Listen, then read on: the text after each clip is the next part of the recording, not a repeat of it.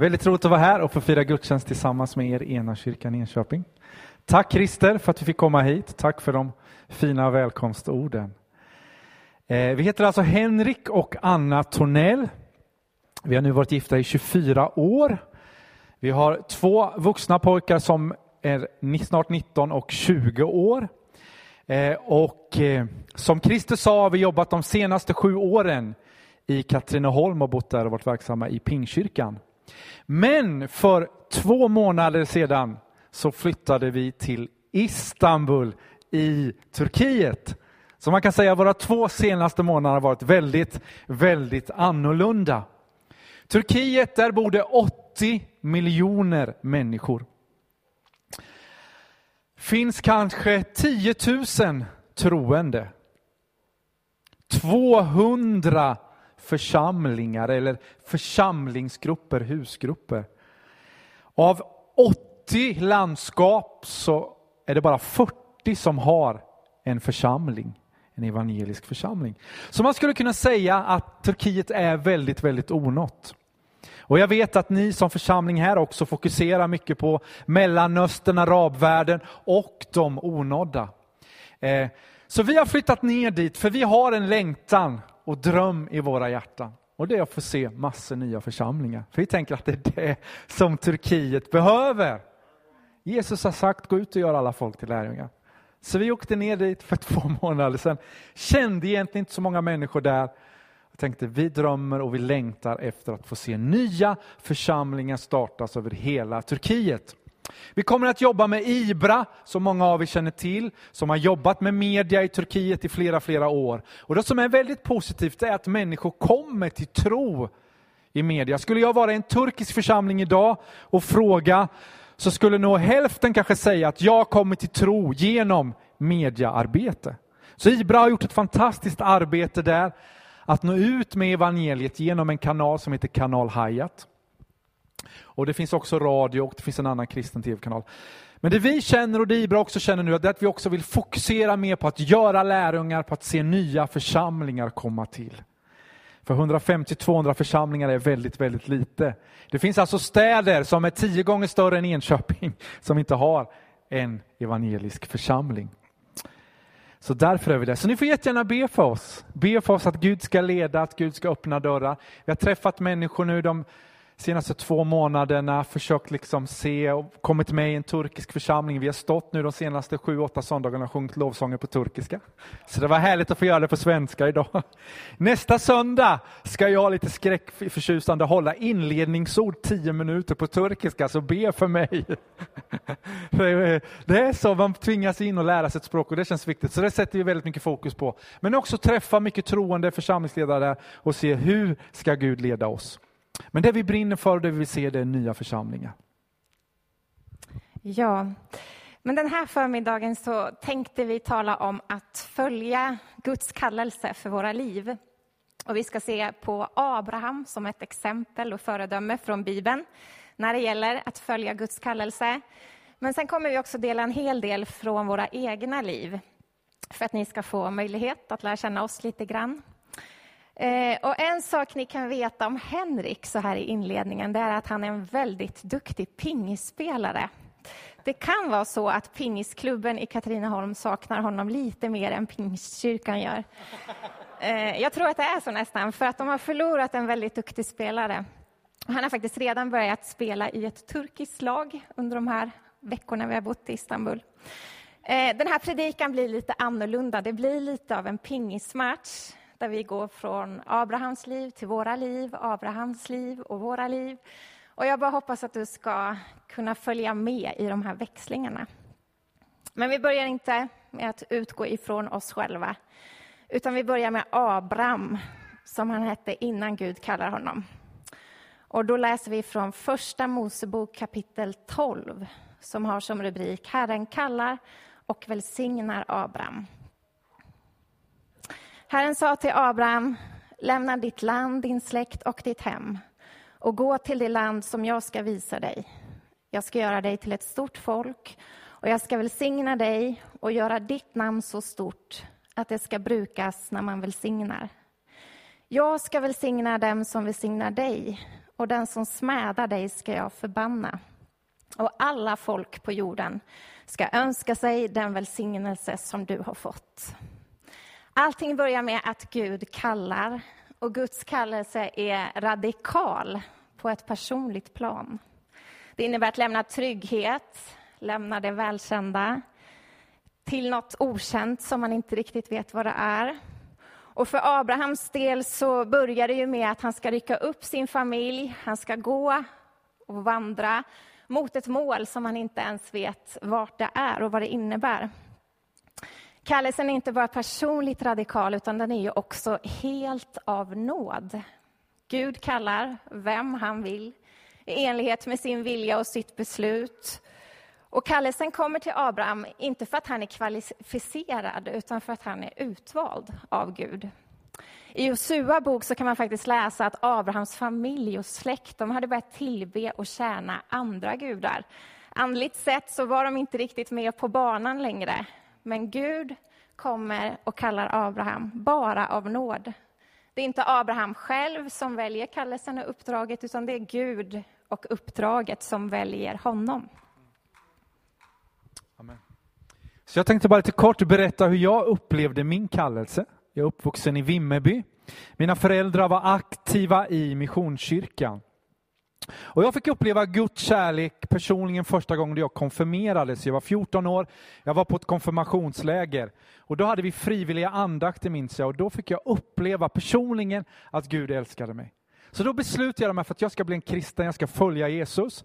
Så jag döpte mig. Och så kom jag hem och så växte det fram en längtan när jag gick i gymnasiet att jag vill tjäna Gud. Jag vill liksom göra någonting, jag vill nå ut med evangeliet, kanske åka utomlands. Och när jag gick sista året på gymnasiet så sa min faster till mig, min faster var missionär i Centralafrikanska republiken. Då sa hon till mig, du skulle kunna få följa med mig när du har slutat gymnasiet till Afrika och göra ett praktikår. Och då tänkte jag, men det är ju perfekt, jag vill åka ut, jag vill missionera. Så jag kommer ihåg där på, när jag gick trean, när jag kom hem på eftermiddagen och kvällen så satt jag och bad i mitt pojkrum. Och så blundade jag och så bad jag till Gud, ska jag åka till Afrika? Är det det du vill med mitt liv? Är det din kallelse? Så blundade jag. Och när jag blundade så såg jag massa apor och så massa elefanter framför mig. Och jag tänkte, det måste vara Afrika. Så jag bad och jag bad där hela våren. Sen på sommaren, när jag hade slutat gymnasiet, så kommer jag hem en dag och så ligger det ett kuvert på bordet hemma då var det inkallelse till lumpen, vapenfri tjänst i Stockholm i december. Och jag kommer ihåg att jag blev helt knäckt och tänkte, Gud, vad är det här? Jag ska ju åka till Afrika. Jag känner ju att du har kallat mig, jag har sett apor och elefanter. Vad är det här? Så i december så åker jag upp lite vilse till Stockholm och tänker, Gud, vad vill du med mitt liv? Eh, och då träffar vi några där, det var några från kommer ihåg som gick i Pingkyrkan i Vilhelmina Åsele som var där. Och när jag satt och pratade med dem första dagarna så sa de så här, det är ju Lucia om tre dagar och på Lucia kan man inte sitta inne, då måste vi gå ut och göra någonting.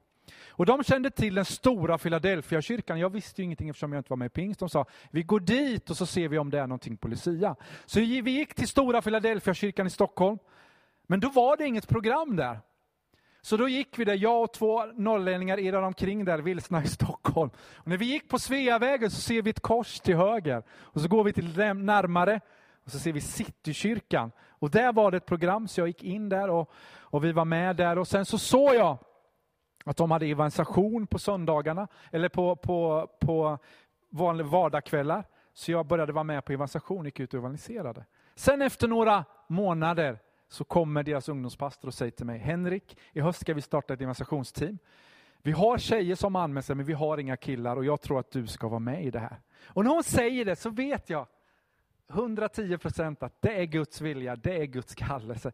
Han har liksom lett mig till Stockholm. Och så började jag jobba där två år, 91 till 93 i Stockholm. Fantastiska år där vi var ute mycket och fick berätta om Jesus för människor. Och så träffade jag Anna där, därför var det så fantastiskt. Ja, jag är uppvuxen i Stockholm och eh, dit kom alltså Henrik när jag var 16 år gammal. Vi var enbart vänner i tre år. Eh, men våren innan jag ska ta studenten så hände det många saker på en och samma gång. Eh, det största undret för mig var att jag blev kär inte i Henrik, men att, att jag blev kär. eh, eh, bara sådär, när vi bara hade varit vänner i tre år. Eh, men sen har jag också ett personligt möte med Gud den våren innan jag ska ta studenten, som eh, betyder väldigt mycket. Jag hade läst till treårig omvårdnadslinje på gymnasiet och jag var lite i valet och kvalet om jag skulle plugga vidare och eh, studera till sjuksköterska. Och min lärare uppmuntrade mig till det, mina föräldrar tyckte det var bra med en vidareutbildning. Men så hade jag också åkt på en del kortare missionsresor och någonstans innerst inne så visste jag att ja, men det är nog ändå missionsskola som jag vill gå. Så hade jag hört att vi skulle få besök eh, i vår församling under en helg av en kille som eh, då var ung och som heter Joakim Sjöberg. Och jag hade hört om honom att han ofta fick att han fungerade i profetisk nådegåva. Han fick ofta tilltal och personliga hälsningar in i människors liv och det där tyckte jag lät väldigt spännande.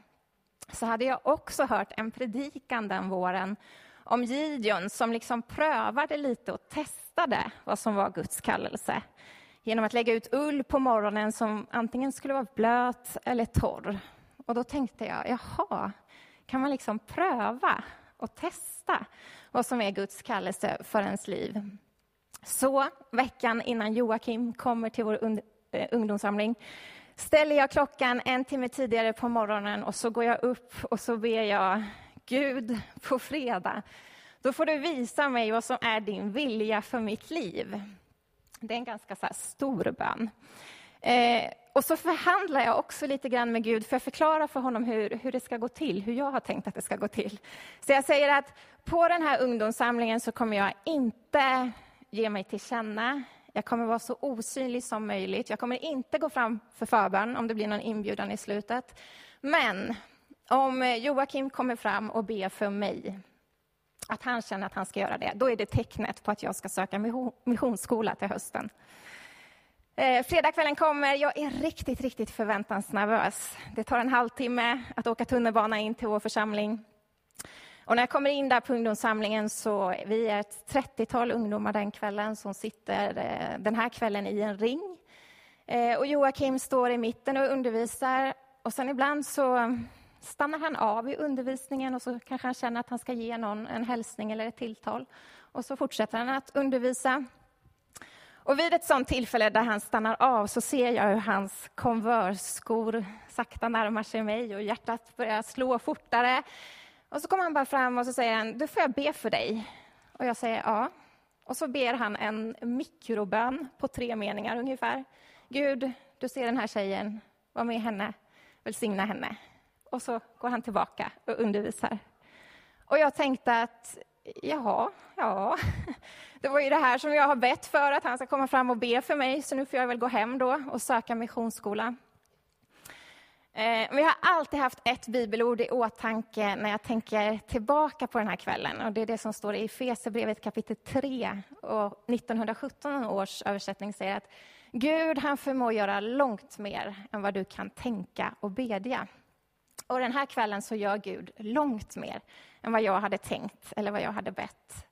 För i avslutningen sen när vi går in i en stund av lovsång så kommer Jocke fram till mig, sätter sig bredvid mig och säger Du, vi har ju inte träffats någon gång förut och jag känner ju inte dig, men ehm, är det inte så att du heter Anna? Och jag nickar. Och så säger han, i eftermiddag så var jag i bön och förberedde mig för den här samlingen. Och när jag då bad så upplevde jag som att Gud sa till mig, Jocke, ikväll så ska du be för en tjej som heter Anna. Hon har röd tröja och långt ljust hår. Och så fick jag bara jättesnabbt se som en inre syn av hur du skulle se ut.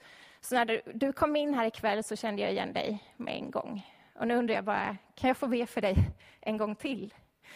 Och han gör det, och jag har ingen aning om vad han bad. Jag vet bara att jag hamnade i någon slags chock. Vi sjöng förut här, vår Gud är så stor. Och plötsligt så blev Gud så otroligt stor. Och jag, jag tänkte, men Gud, du är himmelens och jordens skapare. Har du sett mig? En 19-årig tjej som inte riktigt vet vilken väg jag ska gå och vad jag ska välja. Och bryr du dig så mycket om mig, lilla mig, så att du visar för Joakim vad jag heter, vad jag har för färg på tröjan och hur jag ser ut. Men det är inte bara tankemässigt som, som jag liksom hamnade i den här chocken, utan även rent fysiskt. Jag har aldrig någonsin innan det här tillfället eller efter det här tillfället känt Guds närvaro så starkt. Det var som att jag var inlindad i ett varmt, varmt duntäcke. Och som sagt, jag vill inte att du ska tro att det här är mitt vardagliga kristna liv. Det här var en speciell kväll, en speciell tillfälle där Gud på något sätt la ner sin kallelse över mitt liv. När Joakim har bett klart för mig och jag kommer lite till sans så säger han, du får pröva det här, men jag tror att du inte bara kommer vara i Sverige, utan jag tror att du kommer resa ut lite utanför Sveriges gränser. Och jag säger, okej okay, Gud, jag ska gå hem nu och jag ska söka missionsskola. Tillbaka till Abraham. Det börjar med att Gud kallar och sen så följer Abraham. Och då fortsätter vi att läsa från Första Mosebok kapitel 12, vers 4-5.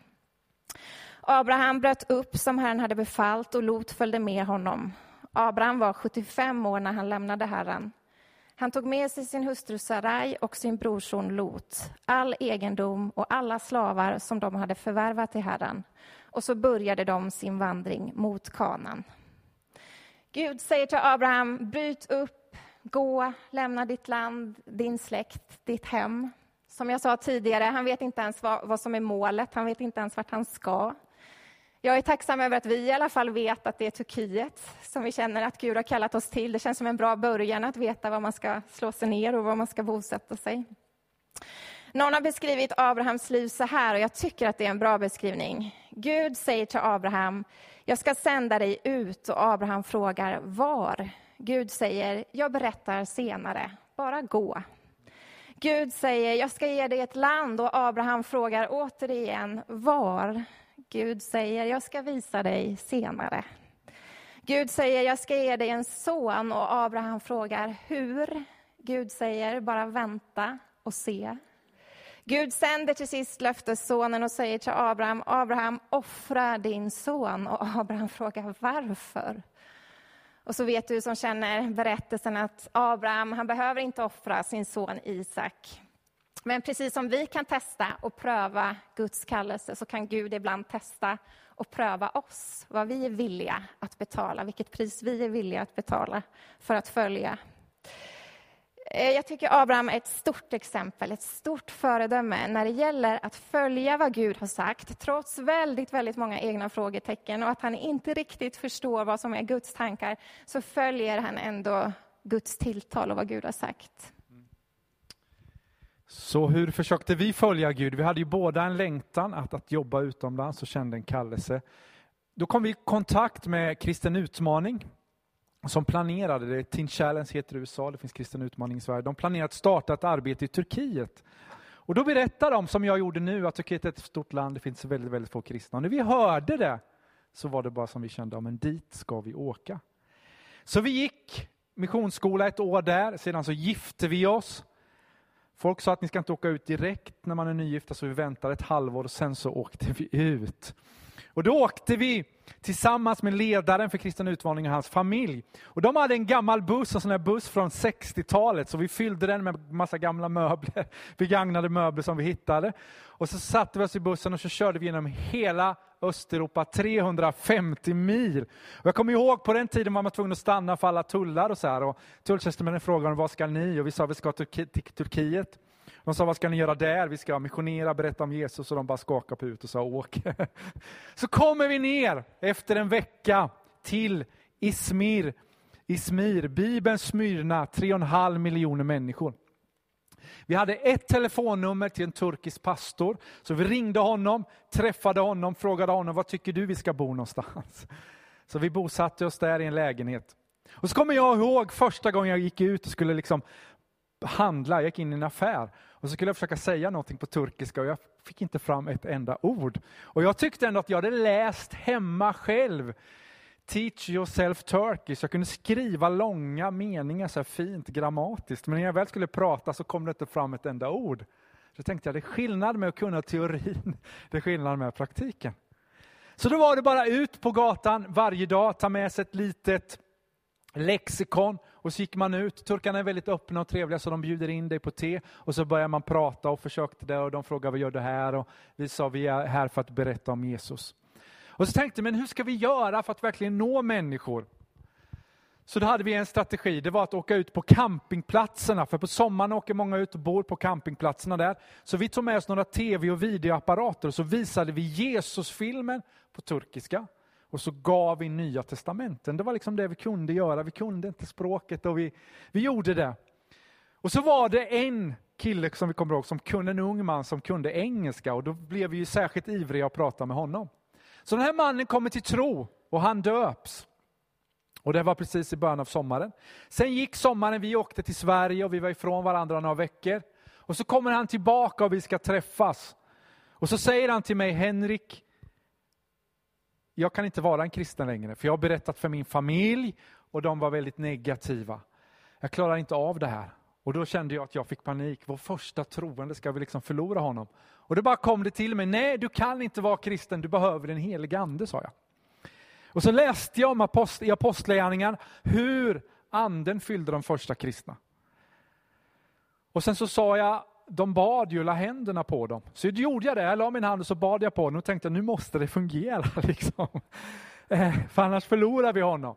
Så jag la min hand på honom, bad för honom. Sen efter fem minuter frågade jag, kände du någonting eller hur var det? Och då sa han så här och han lyste upp och sa, när jag blundade så såg jag en fågel. Och då tänkte jag, men när Jesus blev fylld av den helige Ande så sänkte en duva ner över honom. Så då läste jag från Lukas där. Och när han såg det så bara kände han, wow, det innebär ju att jag måste ha tagit emot den helige Ande. Och då fick jag lite mer frimod. Då sa jag ju, när vi läste i Apostlagärningarna så stod det att de började tala andra språk, nya tungor. Och jag försökte förklara det, han tyckte det var jättekonstigt och förstod inte varför man skulle ha det. Eh, men i alla fall så sa jag, kan vi inte be igen då som de gjorde? Så när jag la min hand på honom så började han tala i nya tungor, ett jätteklart språk. Han stod där i 20 minuter. Han gick hem därifrån fylld av den helige Ande och en helt annan en tro på att han vill fortsätta följa Jesus. Och så började vi samla hans vänner i vårt hem. Tillbaka till Abraham.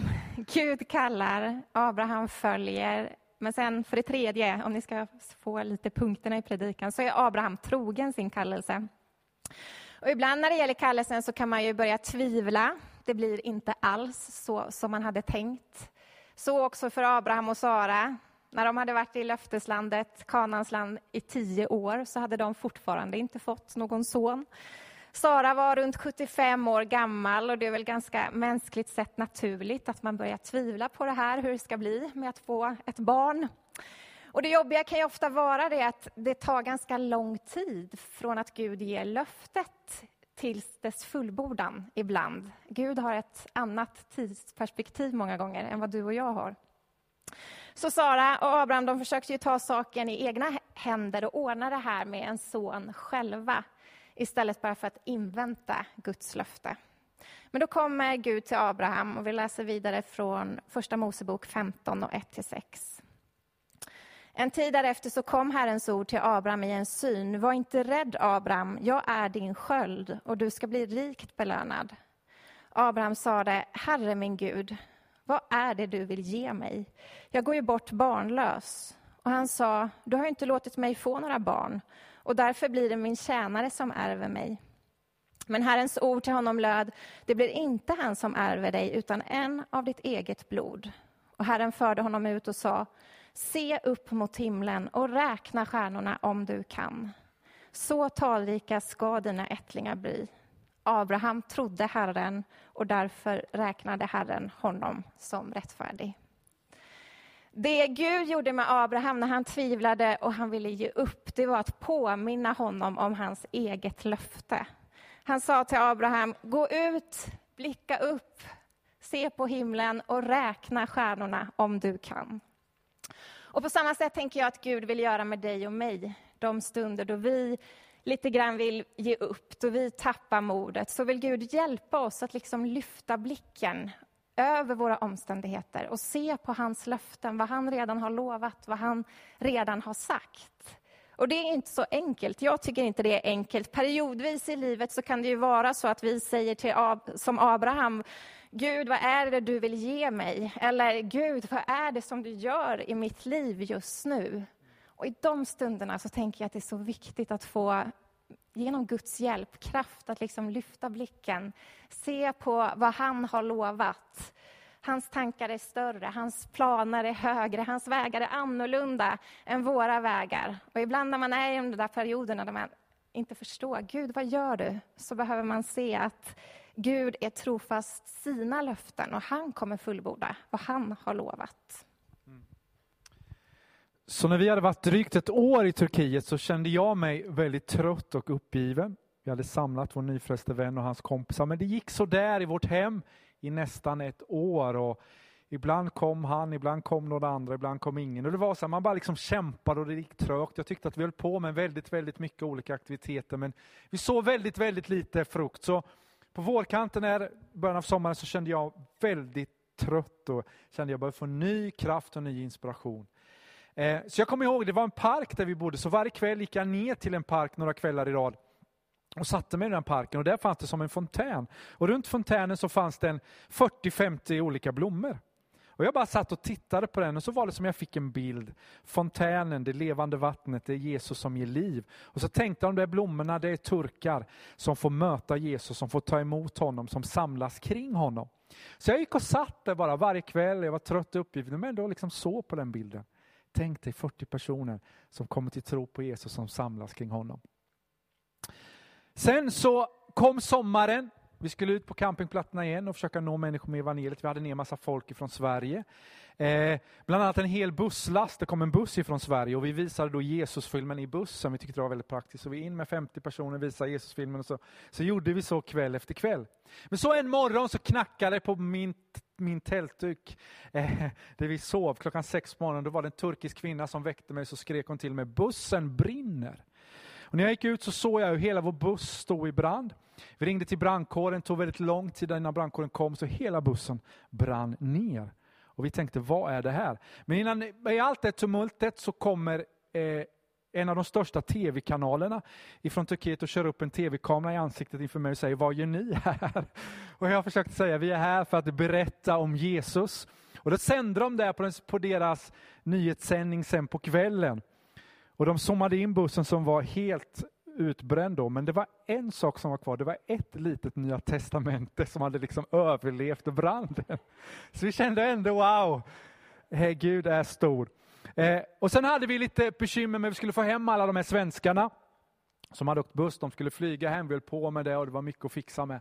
Och sen till slut så kände vi, åh vad skönt, nu är svenskarna hemma, nu kan vi ta lite semester. Och när vi då kommer med mobil och ska närma oss vår lägenhet så hör vi sådana här komradios. Och då är det Säkerhetspolisen och de tar oss, de har troligen sett mig på tv och så, de tar oss till pilotstationen och så tittar de oss i ögonen och så säger ni är ett dygn på er att lämna Turkiet. Och då bara kände jag, där gick Guds kallelse med Turkiet och allt för oss. Liksom. Så dagen efter så kör de oss till eh, en hamn och sätter oss på en båt till Grekland. Eh, så nu sitter vi där vilsna på en ö i Grekland. Ja, då var vi där en dag på en ö i Grekland. Men vi lyckades ta oss in via en annan gränsstation och komma tillbaka till vår lägenhet där vi alltså hade en troende och hans kompisar i vårt vardagsrum. Och vi kände någonstans att det här är så småskaligt. En stad på 3,5 miljoner och vi sitter i vårt vardagsrum. Så då hyrde vi en lokal centralt i stan, satte upp 50 tomma stolar, tryckte upp lite inbjudningslappar och gick ut och började bjuda in människor för att komma på gudstjänst. Och på den första gudstjänsten så kommer 25 eh, okända turkiska personer in. Eh, och den här personen som hade blivit frälst, som var duktig på engelska, han hade lovat att han skulle komma och tolka, men han dök inte upp. Så kan det vara i Turkiet ibland. Tider och planering och så här. Det funkar inte riktigt som i Sverige. Så han kom inte. Och då fick vi fråga någon av besökarna där, äh, finns det någon här som nu kan hjälpa oss att tolka till engelska? Och I Turkiet finns det ingen jantelag i överhuvudtaget. Den existerar inte, så nästan alla räckte upp handen och erbjöd sig, men jag kan tolka. Och sen så märkte man att de kunde tre, fyra meningar på engelska. My name is Ali och lite mer så. Jag vet inte hur evangeliet gick ut den där kvällen, men det gjorde det på något sätt i alla fall. För några personer gensvarade och tog emot Jesus i sina liv. Eh, de hade fått tag på att vi hade sagt att om man är sjuk till sin kropp så kan man be i Jesu namn och då kan man bli frisk. Det hade några greppat. Så de gick hem till sina familjer och bad för släktingar, vänner, familjemedlemmar som var sjuka och Gud började hela i hemmen. Vilket gjorde att det blev attraktivt och väckte nyfikenhet så att fler ville komma på möten. Och efter tre månader så, så samlade vi ett 40-tal turkar varje söndag för gudstjänst. Det var liksom som att nu händer det. Gud besökte. Människor blev frälsta, helade, döpta, andedöpta. Och plötsligt den här bilden som Henrik hade fått i parken av fontänen och 40 blommor runt omkring. Plötsligt så såg vi den förverkligas för våra egna ögon.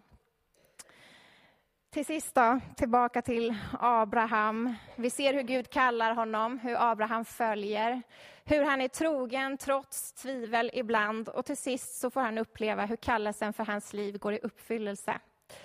Och sista bibelordet vi vill läsa är från Nya testamentet som ju faktiskt är en hyllning till Abrahams liv. Och du kan följa med mig till Hebreerbrevet kapitel 11, vers 8-12. I tro lydde Abraham när han blev kallad och han drog bort till ett land som skulle bli hans och han drog bort utan att veta vart han skulle komma. I tro slog han sig ner i det utlovade landet som i ett främmande land och bodde i tält, liksom Isak och Jakob som hade fått del i samma löfte.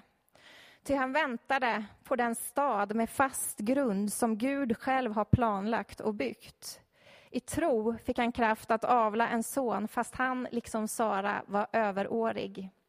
Han litade på den som hade gett löftet. Därför fick han, denna ende man som var dessutom som dessutom var så gott som död. En avkomma talrik som stjärnorna på himlen och de oräkneliga sandkornen på havsstranden. När Gud kallar Abraham så säger han, se upp mot himlen. Och Abraham, räkna stjärnorna om du kan. Så talrika ska dina ättlingar bli och du ska bli till en välsignelse för alla folk. Och så vet vi i slutet av Uppenbarelseboken, i slutet av Guds stora berättelse, så står det att en dag inför tronen ska det stå en skara av folk som ingen kan räkna. Av alla folk, länder, stammar och språk. Och de ska ropa, frälsningen finns hos vår Gud som sitter på tronen och hos Lammet. Vi kan lita på att en dag så kommer den fulla eh, liksom, den fullständiga kallelsen att gå i uppfyllelse för Abrahams liv. Den dagen då alla folk står inför tronen och tillber. Och nu vill vi lägga vår kraft och energi och allt vad vi, allt vad vi har på att många turkisktalande människor en dag ska få möjligheten och chansen att stå där inför tronen och bekänna att Jesus Kristus är Herre. Jag ska gå in i avslutningen och jag tänker att, hoppas ni har fått med er ett budskap, men jag tänker budskapet från Gud den här förmiddagen, det är kallelsen för ditt liv. Gud kallade Abraham, Gud har kallat oss, Gud har kallat dig. Och det handlar om att följa Guds kallelse med ditt liv. Det handlar om att vara trogen och det handlar om att få se den gå i uppfyllelse. Så jag tänker någonstans en förnyelse av din kallelse, det Gud har kallat dig till. Och känner du, jag vet inte vad min kallelse är. Nej, det visste inte jag, men vill, säger du ja till Guds kallelse så kommer Gud att leda. Gud ledde mig på ett sätt, Gud ledde Anna på ett sätt. Gud kommer att leda dig på ett sätt. Men säger du ja till Guds kallelse så kommer han att styra dina steg. Han ledde mig upp, en liten ensam kille från Vimmerby upp i Stockholm med några norrlänningar som förde mig någonstans där Gud hade kallat mig till och så vidare. och så vidare. Han styr våra steg, säger Ordspråksboken. Moder Teresa har sagt så här. Jag är en liten penna i handen på en skrivande Gud som sänder sitt kärleksbrev till den här världen. Och det är vår bön för Turkiet, att Gud använder oss för att nå dem med Guds kärlek. Och jag tänker er som församling här i Enköping men också ut över världen. Så Gud vill förnya din kallelse den här morgonen. Gud kallar dig, Gud utvöljer dig. I tro lydde Abraham när han blev kallad. Det är det Gud ber oss om idag, att i tro lyda. För oss innebar det för två månader sedan att sätta oss på ett plan till Turkiet, Istanbul och komma dit med några resväskor och nu någonstans så tror vi att Gud kommer fortsätta att leda oss. Första Mosebok säger i din avkomma ska jordens alltså alla folk bli välsignade därför att du lyssnade till min röst. Vi lyssnar till hans röst, vi går och människor kommer att bli välsignade när du och jag går. Ibland kan man känna, vad kan jag göra? Man går där och ser alla dessa miljontals människor i Istanbul och tänker, vad kan vi göra? Nej, men när Gud kallar oss, när Gud sänder oss, så sänder han oss för att bli till en välsignelse. Ska vi be tillsammans? Ska vi stå upp och be? Så kanske lovsångsteamet kommer. Så vill jag be för dig här. Och jag vill be särskilt, vi vill särskilt be för dig som behöver någonstans förnya din kallelse. Du vet att den finns där någonstans. Gud har talat. Men att den behöver bli tydligare i ditt liv. Det har kanske kommit in andra saker. Och du kanske finns här som inte vet, jag vet inte vad Gud kallar mig till. Och då vill Gud tala tydligt in i ditt liv. För någon annan finns det att du kanske vet vad det är, men du har inte haft modet att gå. Och du behöver få mod, du behöver få styrka att gå den här förmiddagen. Och det kanske kan innebära en förändring i ditt liv.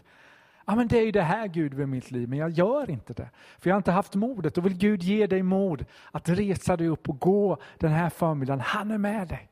Han har kallat dig, han har utvalt dig. Han kommer att öppna vägen för dig. Så ska vi be tillsammans. Herre, jag tackar dig för den här förmiddagen, Herre. Jag tackar att vi får läsa om Abraham, Herre, hur du utvalde honom, hur du kallade honom, hur han följde dig och hur du var trofast emot honom, Herre. Tack att det är vårt exempel. Abraham är trons exempel. Han är trons fader, Herre. Och Herre, hjälp oss alla här den här förmiddagen att göra som Abraham, att lyssna i tro, att följa, Herre. Och Herre, hjälp oss att ha mod att gå när du kallar, Herre. Fyll oss också med tro Herre, när det känns så mörkt, när det känns så dystert, när det känns så tungt, när det känns så svårt Herre. Så bara be att du ska uppmuntra den just nu som känner sig nedstämd Herre. Och Herre, så ber jag för den personen som kanske inte är just nu i det du har kallat dem till, för man har inte haft mod Herre. Gud, ge dem mod den här stunden. Kom och ingjut nytt mod ifrån dig Herre. Herre, du ger oss det vi behöver. Ibland känner vi oss så hjälplösa, så modlösa. Men du styrker Herre Jesus. Herre, så vill jag be för den här församlingen också, vad du har kallat den till Herre. Gud, för dem in i det Herre. Tack för din församling här Jesus. Tack att du vill signa dem på den här platsen Herre Jesus. Herre, jag ber att du nu i slutet av gudstjänsten ska kalla, att du ska tala som du gjorde in i Abrahams liv här Jesus. Gör det in i våra liv här. Ge oss visioner, ge oss drömmar, fyll oss med tro Herre. Tro att du vill använda oss, att du kan använda oss Herre. Att du sänder oss ut Herre så att andra människor ska bli välsignade. Så att andra människor en dag ska stå inför din tron, Herre. Sänd oss ut som din församling, ditt folk, Herre.